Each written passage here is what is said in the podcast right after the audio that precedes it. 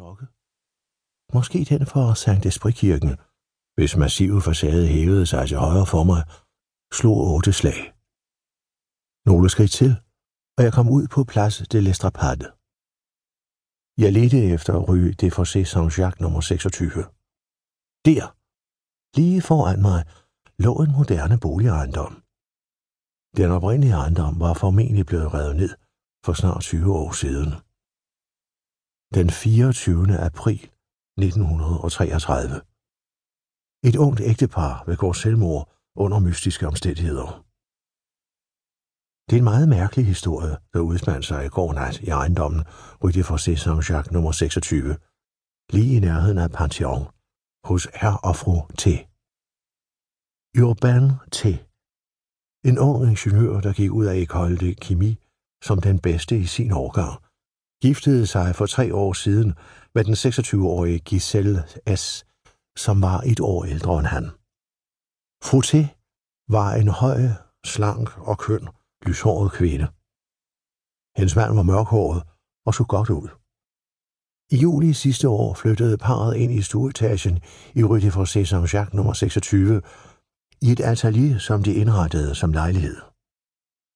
Det unge ægtepar virkede meget glade for hinanden. Ingen bekymringer synes at tro deres lykke. Lørdag aften besluttede Urban til at gå ud og spise sammen med sin kone. De forlod sammen deres bolig ved syvtiden. De kom først tilbage omkring kl. 2 om natten, sammen med to andre par, som de havde mødt i aftens løb. De larmede usædvanligt meget og vækkede naboerne, som ikke var vant til så støjende en adfærd fra de ellers yderst stilfærdige lejere. Festlighederne tog formodentlig en uventet drejning. Gæsterne tog afsted ved firetiden om natten. I løbet af den efterfølgende halve time, hvor der ellers endelig var blevet ro, lød der to dumpe brag. Klokken 9 om morgenen gik en nabo, en kvinde forbi parets dør. Hun hørte nogen jammer. Hun kom pludselig i tanke om nattens brag, blev bekymret og bankede på døren. Denne blev åbnet, og Giselle til kom til syne. Der piblede blod frem fra et sår under hendes venstre bryst. Hun viskede, Min mand! Min mand! Død! Kort efter ankom politikommissær Manjang. Giselle T.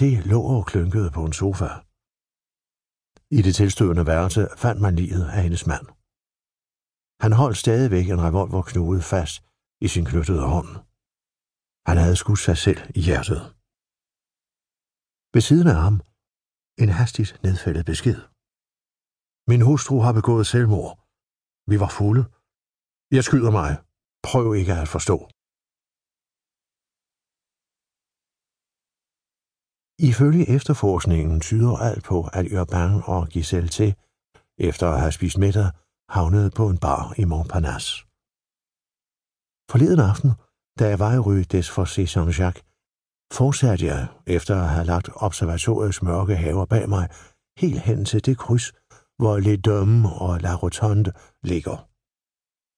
Paret til må være gået af samme vej hin aften i 1933. Jeg var overrasket over at befinde mig i et område, som jeg med vilje havde undgået siden 1960'erne. Ligesom Ursuline-kvarteret mindede Montparnasse mig om Roses slot. Det var den samme følelse, jeg havde oplevet som 20-årig, da jeg havde tilbragt nogle nætter på et hotel i Rue de Lambre. Allerede dengang havde Montparnasse virket som et kvarter, der havde overlevet sig selv, og som lige så stille synede hen, langt fra Paris. Når det regnede i Rue d'Odessa eller i Rue du Depart, havde jeg det, som om jeg befandt mig i en bretonsk havneby under støvregnen. Banegården, der endnu ikke var blevet revet ned dengang, emmede af Brest eller Lorient. Her var festen slut for læs. Jeg kan huske, at skiltet for det hedengarne Jimmys stadig hang på husmoren i Rue Jens, og der manglede en to-tre bogstaver, som var blevet taget af vinden. Ifølge aviserne fra april 1933 var det første gang, at det unge par besøgte et natligt etablissement i Montparnasse.